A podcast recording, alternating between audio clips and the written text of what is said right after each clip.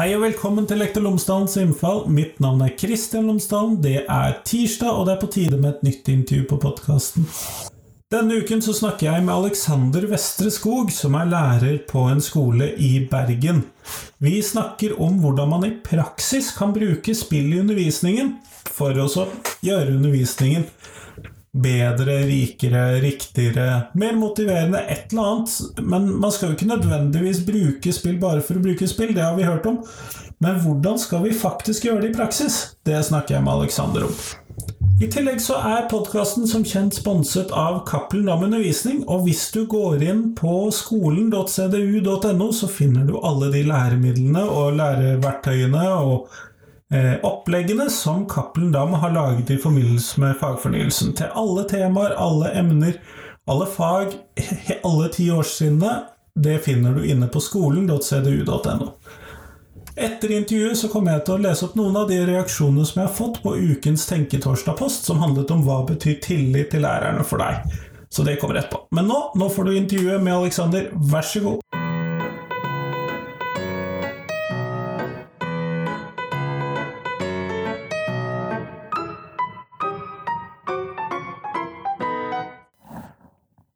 Alexander Vestre Skog, tusen takk for at du har tatt deg tid til meg i dag. Takk for at jeg fikk komme. Før vi starter selve intervjuet, så hadde jeg håpet at du kunne fortelle lytterne mine tre ting om deg selv, sånn at de kan bli litt bedre kjent med deg. Ja, eh, jeg er 33 år, bor i Bergen med samboer og to barn. Og har jobbet eh, som lærer eh, siden 2014. Ja, kjempeflott. Ett år kortere enn meg, da. Ja. eh, vi snakker av og til på denne podkasten om uh, spill i undervisningen, og hvordan man litt sånn på et overordnet nivå kan involvere det som en del av uh, den verktøykassa man har som lærer. Mm. Og i dag så skal du og jeg, eller i hvert fall du, prøve å fortelle meg og resten av lytterne litt om hvordan vi faktisk kan få til dette på barneskolenivå. Ja. Uh, og det syns jo jeg er litt spennende, og da må du først kanskje si noe om hvordan hvilke type spill for eksempel, er det du har tenkt å fortelle oss om? Uh, nei, jeg har uh, tenkt på tre ulike spill som jeg tenker kan være et greit uh, utgangspunkt hvis du er litt nysgjerrig på å bruke dataspill i skolen. To av de er òg nettleserbaserte, så det krever egentlig ikke så mye mer enn nettleser, en Chromebook eller en PC. uansett hvilken dings du har, så funker det. Yes, og det er jo en stor fordel. Og så en av de er en app Eh, eller en, eh, eh, en fil til, til PC. Nettopp, sånn at det kan installeres på de fleste datamaskiner? Yes, det kan Nettopp. de. Så um, det første spillet jeg tenkte vi kunne prate litt om, er Spleiselaget Byen. Uh, og dette spillet er jo egentlig, sånn som jeg har forstått det, lagd til ungdomsskolen. Det er det skatteetaten spiller, er det ja, det? Ja, eh, men, eh, men, det passer for deg veldig godt i, eh, på mellomtrinnet òg, syns jeg. Og det er litt med at jeg syns at dataspill kan være til hjelp som begrepsforståelse for elevene. Og du sa jo en litt sånn viktig ting her innledningsvis, at dette er jo et verktøy som læreren kan ha i verktøyskassen i undervisningen. Ehm, så når vi skal ha om eh, samfunnet og om eh, eh, viktige funksjoner i en by, så har jeg tenkt at Spleiselaget Byen kan bidra positivt til å lære f.eks. litt sånne svevende begreper som skatt. En, ja, det kan være litt teoretisk. Ja, det kan, det kan jo det. Og um, du, du, har um, du har gjerne den vinklingen med at skatt eh, Hvis du spør elever om hva skatt er for noe, så sier de gjerne at eh, det er noe mamma og pappa betaler eh, når de blir voksen, som en del av lønnen sin. Men Spleiselaget Byen kan hjelpe med å kanskje gi en forståelse at skatt ikke bare er en utgift for foreldrene, men òg at det faktisk kan være en inntektskilde. For i dette spillet her, så er du da borgermester i din egen by. Du skal gjennom tre valg, og for å klare å komme gjennom disse valgene, så er du blant annet nødt til å eh, oppnå noen eh, valg, eller innfri noen valgløfter. Du må styre økonomi, det er snakk om store tall her. Du er nødt til å drive med oppussing eller vedlikehold. Du er nødt til å legge til rette for arbeidsplasser. Eh, kanskje du eh, til og med er nødt til å bygge eh, politihus, ikke sant? Hva skjer hvis du ikke gjør det? Så, eh, så dette spillet her går rett og slett ut på at du skal drifte denne byen, få folk til å flytte inn der, og så eh, vinne disse valgene.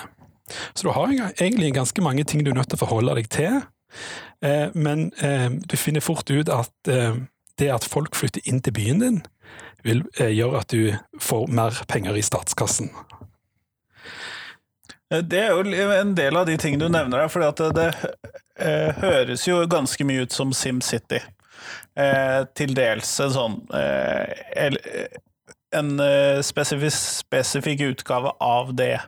Men der trengte du veldig sjelden å bry deg veldig mye om vedlikehold, f.eks. Ja, ja. Det var mye investeringsbudsjett og lite sånn dette må vi faktisk få til å funke i det daglige også. Ja, ja nei, altså, det, akkurat den er, er litt uh, fin òg, for det blir på en måte en eh, utgiftspost du bare er nødt til å ta hensyn til.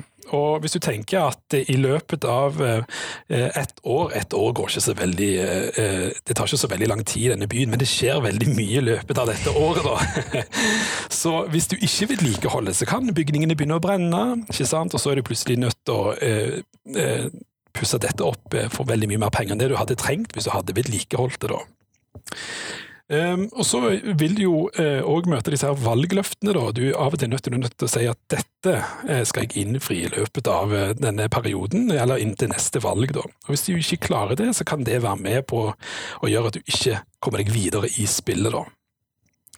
Ja, for da blir du kastet ut, liksom, fordi da har du tapt valget? Ja, da, da, ja og det er jo òg en veldig fin inngangsport å snakke litt om demokrati òg. Hvordan er det egentlig det fungerer? Og um, der har vi um, pleier å la elevene sitte som regel på egen device, men jeg setter de alltid to og to. Fordi at jeg er veldig opptatt av at elevene skal sitte sammen og reflektere over valgene de gjør underveis i spillet. For at selv om det er samme spill og de har samme utgangspunkt, så prioriterer de ulike ting. Og da kan de spørre hverandre litt eh, hvorfor har du mer innbyggere enn meg? Hvorfor flytter innbyggerne fra min by? Ja, for da sitter de på hver sin datamaskin i en gruppe på to. Ja. ja. For jeg trodde først én eh, datamaskin på to stykker. Ja, Det kan du for så vidt òg gjøre, også. Men, men, eh, men, da må de eh, da må de diskutere og øve seg på å lytte til hverandre og teste ut hverandres ideer. Og Det er jo òg en fin ting å gjøre. Eh, men jeg har et eksempel med at eh, det var, det var eh, elever som, eh, som, så at eh, den andre hadde flere innbyggere. Og Da spør han eh, hvordan, hvordan, fikk du, hvordan fikk du så mange innbyggere? Nei, jeg bygde arbeidsplasser og, og, og bygde hus sånn at de kom inn, men alle flytter jo fra, fra min by. Og Da eh, viste det seg at eh, den ene eleven eh, hadde skru, eh, skrudd opp skatten. For at eh, Når du har gått eh, en, en, et valg og kommet gjennom første valget, så får du muligheten til å justere skatt. Og Da fant de jo ut at skatt er jo en inntektskilde. Jeg trenger skatt. Jo mer innbyggere jeg har, jo mer skatt får jeg, og jo mer penger får jeg. Så den skatten ble jo skrudd opp til jeg tror det var 45% og når de trykte OK på den, så, så begynte folk å flytte fra byen. Så da fikk vi jo en ganske interessant eh, samtale om eh, eh skattenivået, da. Så med, med, dette spillet her, så syns jeg det, det, kan være litt med på Det er en veldig forenkla måte å snakke om skatt på, egentlig, men den kan visualisere og konkretisere litt begreper som kan være litt svevende, tenker jeg. Og her syns jeg at styrken med dataspill ofte er at det kan hjelpe med å få en litt annen innfallsvinkel og en forståelse, kanskje. Jeg har jo, eh, og I motsetning til de to andre spillene du har på listen din, så har jeg faktisk hatt dette med i min egen undervisning. Ja, du har det, ja. ja. Eh, og jeg underviser jo elever som er 16 år gamle, og ikke ja. sjetteklassinger. Mm.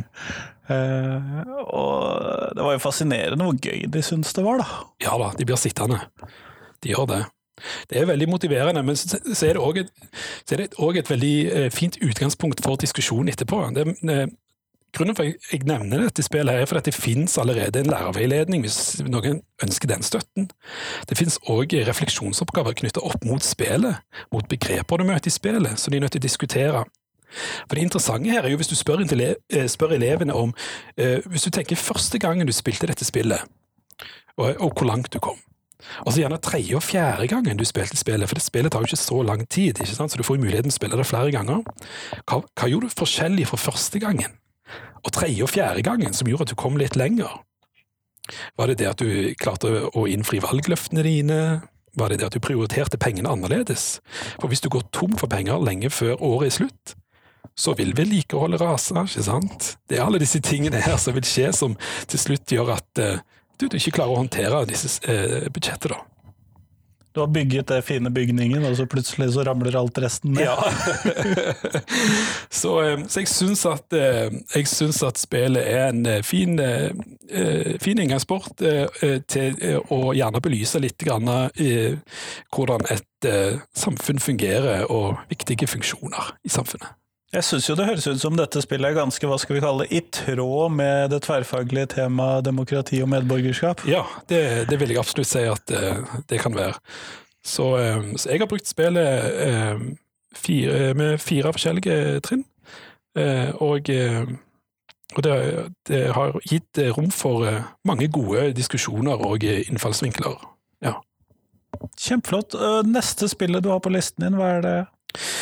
Nei, altså det er jo eh, et spill som heter Maskinarium. Og dette er på en måte et spill som jeg har tenkt som eh, et utgangspunkt, eller en skrivestarter for kreativ skriving.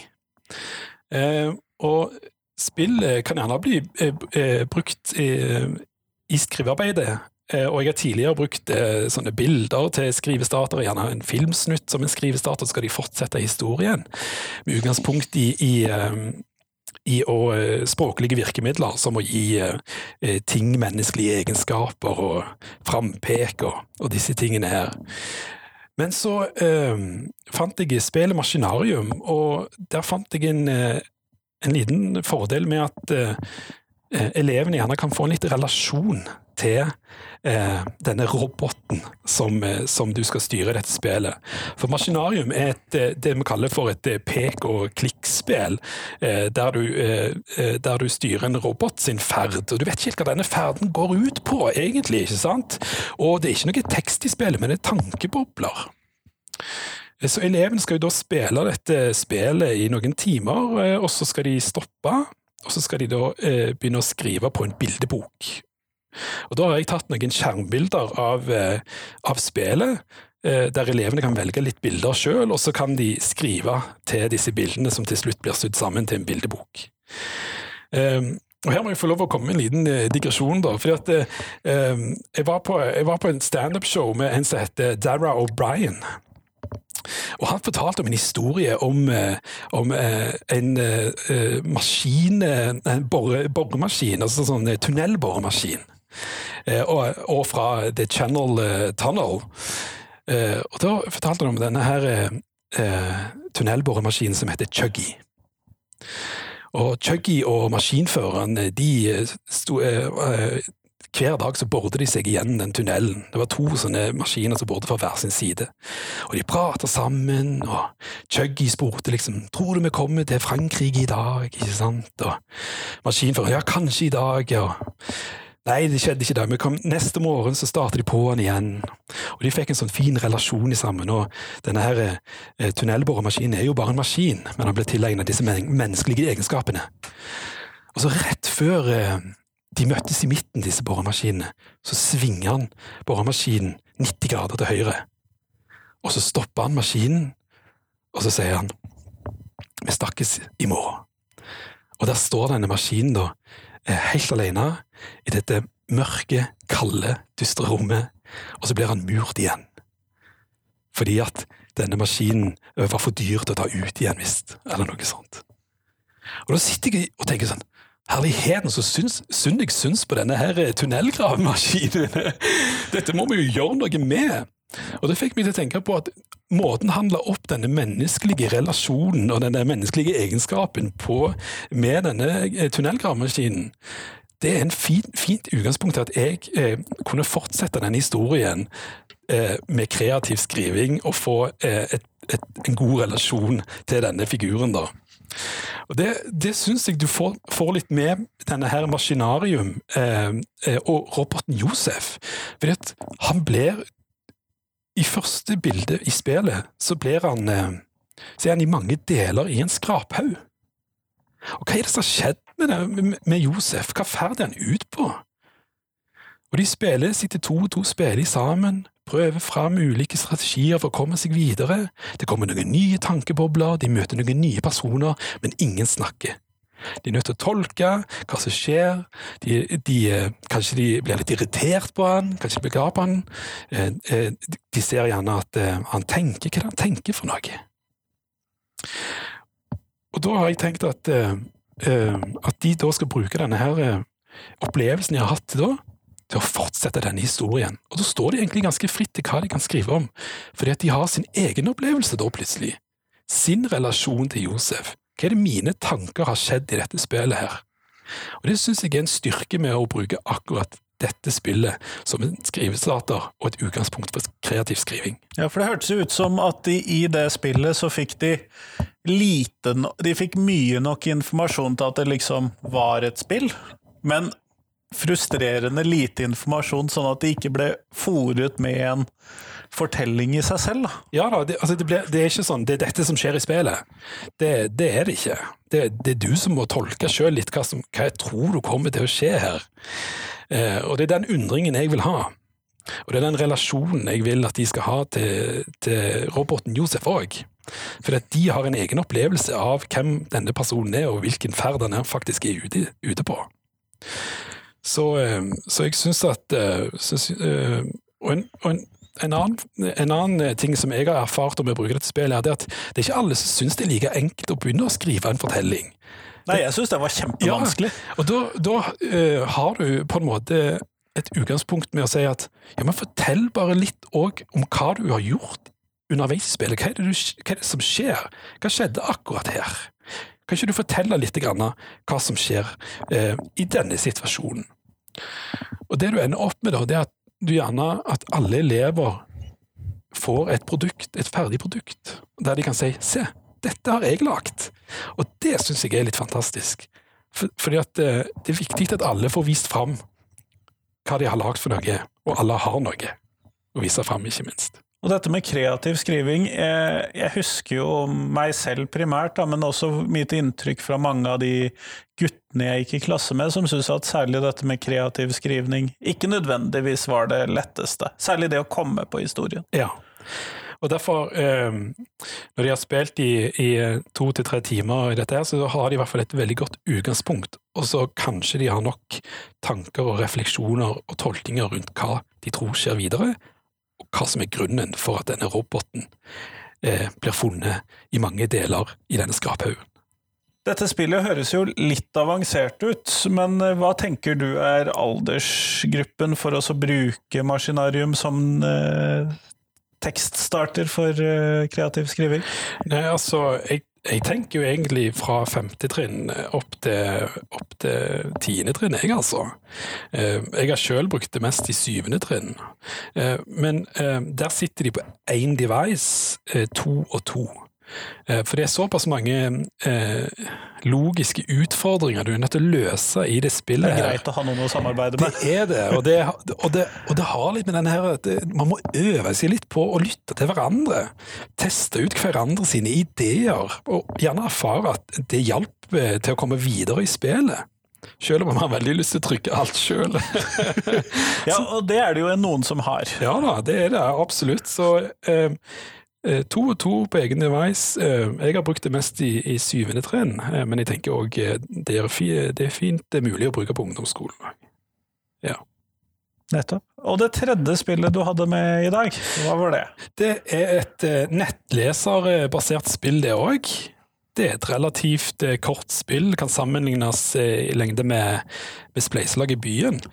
Og det heter Power the Grid. Um, det er et eh, spill om eh, fornybar energi. Jeg har brukt det som en inngangsport til å snakke om eh, bærekraftsmål nummer syv, som er ren energi til alle. Og jeg har òg hatt det som refleksjoner rundt bærekraftig utvikling og fornybare energikilder. Rett i fagfornyelsen der òg, altså. Ja da, jeg, jeg syns det er i tråd med det. det syns jeg. Um, så det, det handler, spillet handler om å produsere nok strøm til husstander. Uh, du starter med et uh, kullkraftverk, og målet med spillet er jo å sprenge dette kullkraftverket. så uh, snakk, her snakker vi jo gjerne om ting på en litt forenkla måte, men det er en fin inngangsport og en mulig forståelse Eh, på, eh, for begrepet. da.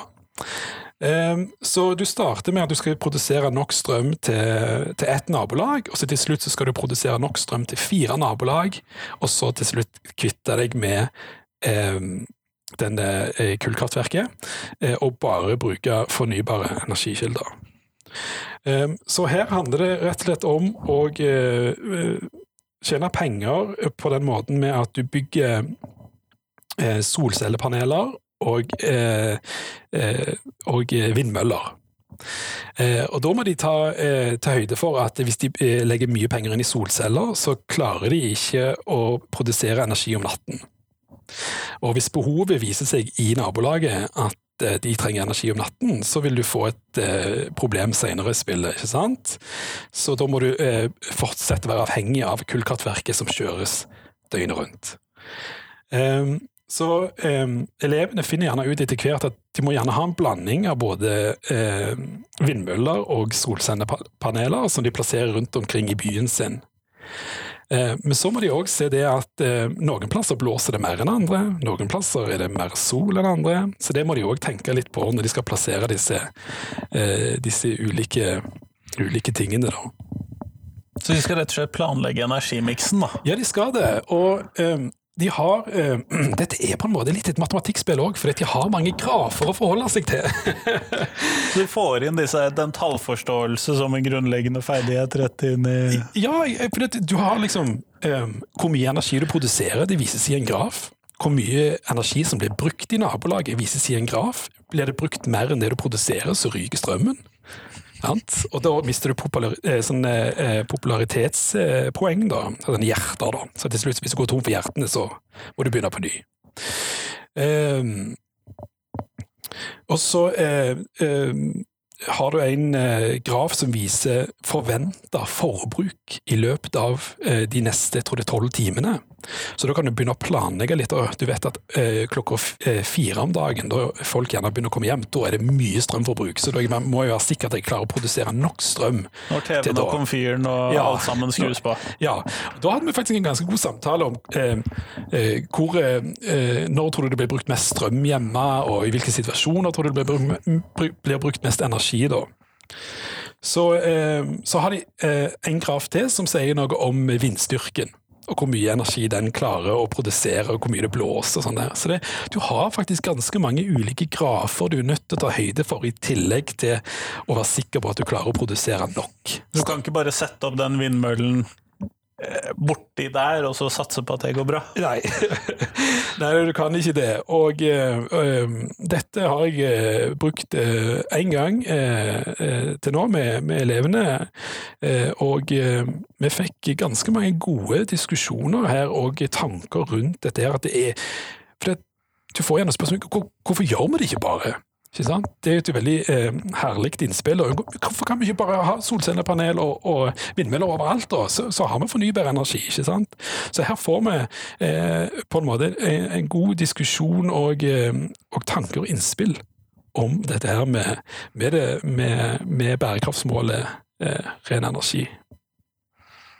Nettopp. Det høres jo interessant ut, da. Og så er det vel kanskje da lett å trekke inn disse forskjellige gruppene som kjemper mot vindmøller, f.eks., eller det, alt regn i Bergen, eller Ja, ja da, det, og det og det prata vi litt Det kom jo opp, selvfølgelig, fordi at uh, de hadde jo sett det på super, Supernytt fra før òg, at dette var, det var stor motstand mot dette. her, og Da pratet vi litt om hvorfor. Og Da var noen som hadde fått med seg dette her med at var gjerne fugler og, som, som, døde og, og, og, sånn.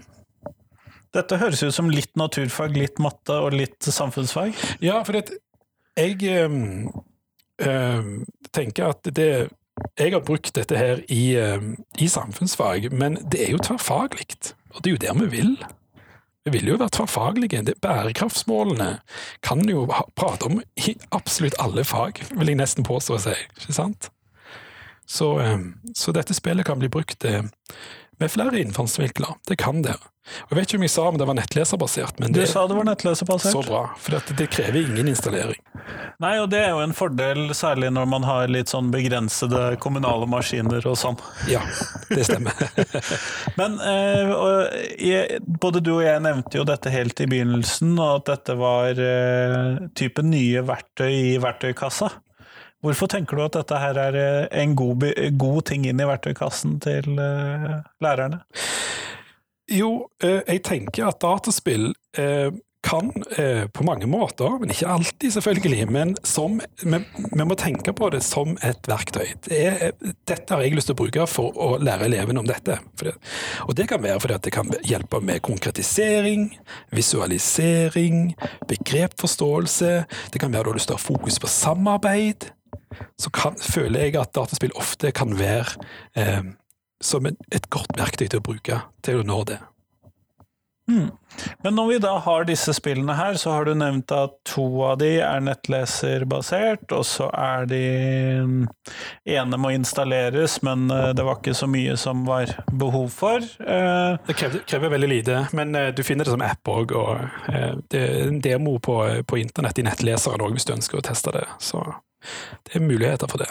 Men hva bør jeg som lærer ha tenkt på eller gjort eller ha klart da, før jeg skal eh, drasse dette inn i undervisningen min? Nei, Som med alt annet eh, lærere gjør før de har undervisning, det er jo å planlegge, eh, planlegge det og være tydelig med hvorfor du velger å bruke dataspill eh, i undervisningen. For her kan det komme en krasj med at dette er en fritidssyssel, gjerne for noen. Eller for mange er det jo det. Og når du plutselig sier du skal bruke det i skolen, så må du være veldig tydelig på hvorfor du velger å bruke det. Hva er målet med å bruke det? Så det tenker jeg er en, en viktig ting å huske på hvis du, hvis du har lyst til å, å prøve å bruke dette her, som jeg absolutt anbefaler eh, alle å gjøre. Ja, eh, så har jeg tenkt da at eh, hvis du har lyst til å prøve noen av disse spillene, eller noen andre spill jeg gjerne bruker i undervisningen òg, så har jeg lagd en eh, Padlet med linker til mange ulike spill og til ressursnettsteder der du kan finne mange opplegg om spill. Eh, og Der er det matematikkspill som eh, et som heter iFactor, som er eh, fire på rad med gangetabellen. Det, har et spill eh, der i engelsk som heter ja, Nå husker ikke hva det heter, for noe, men, eh, men der skal du gjette, eh, prøve å tegne eh, engelske ord. Og det kan være, og så skal datamaskinen gjette hva du tegner for noe. Så, så det er veldig, veldig morsomt. Så det, du, eh, det kan jeg gi til deg, da, og så kan du gjerne legge det i eh, beskrivelsen av podkastepisoden. Det skal jeg gjøre. Ja. Men kjempeflott. Vi går da mot slutten av podkastintervjuet, og da har jo jeg mitt faste spørsmål som jeg stiller til alle de jeg intervjuer om dagen. Og hvis du fikk eh, bestemme dette, hva er de tre viktigste tingene som skolen lærer til elevene?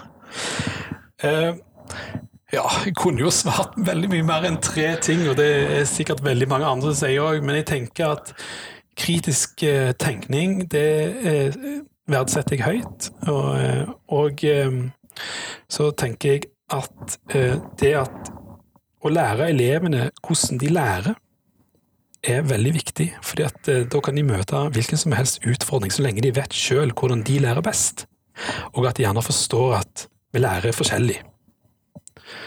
Eh, og den tredje tingen tenker jeg at jeg, jeg håper i hvert fall at elevene eh, som jeg har hatt, sitter igjen med en følelse om at med et godt selvbilde. At dette skal jeg klare.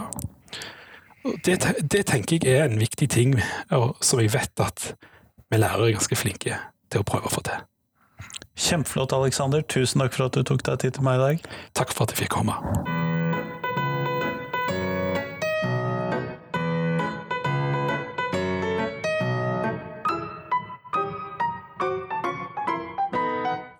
Tusen takk til Aleksander, og tusen takk til deg som hørte på. Nå er det en eh, tre dager igjen til neste podkastintervju, for det kommer selvfølgelig et nytt intervju på fredag.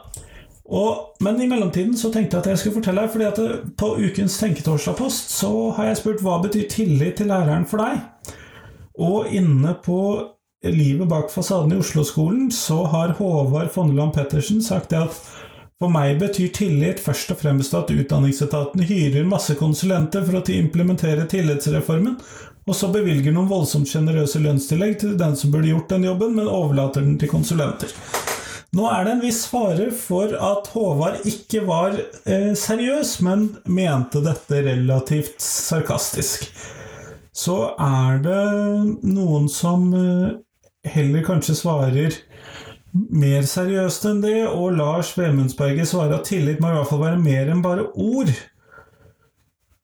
Og Eh, Christian Jørgensen sier at hvis vi skal ene og alene snakke om selve læreren uten å ta for mye hensyn til systemet fungerer rundt dem i en offentlig skole, så er en lærer som er engasjert i fag og, den enkelte, og den enkelte elev, og som har tid til å prate fag, og som står relativt fritt til å utforme undervisningen basert på hva målene i pensum er. Og gjennom alle hans år som elev så trivdes han best og hadde mest tillit til lærerne når han eh, tok opp fag på en skole som la til rette for dette. Og så sier Heidi Torp Stakset at det er en grunnleggende mistillit til lærerprofesjonen i systemene fordi vi er en profesjon som forvalter kunnskap, som ethvert opplyst menneske med innsikt i menneskehetens historie. Kan ikke akademikere og intellektuelle la seg undertrykke, for det strider mot den lærdes natur.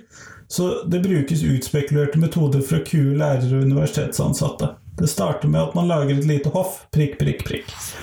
Det var iallfall noen av de tilbakemeldingene som eh, har kommet på ukens Tenketorsdag-post. På torsdag så kommer det en ny en. Eller så vil jeg bare legge til en siste en, bare for moro. Eh, Olin Pev som svarer 'Hvor kan man observere dette ekstraordinære fenomenet?' Altså tillit til læreren. Men torsdag, da kommer det en ny Tenketorsdag-post. Ukens spørsmål det er 'Skal vi ha varm skolemat i Norge?' Det kan du svare på på torsdag. Du finner det stort sett overalt. Det håper jeg at du tar deg tid til, for det vil jeg høre.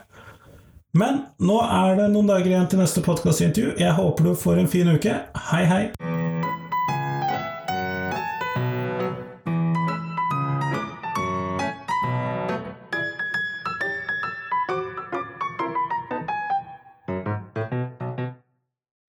Husk det at du kan gå inn på iTunes, podkaster andre steder, og så rate podkasten. Det blir jeg kjempeglad for. Gjerne full pott, selvfølgelig. Men vi høres!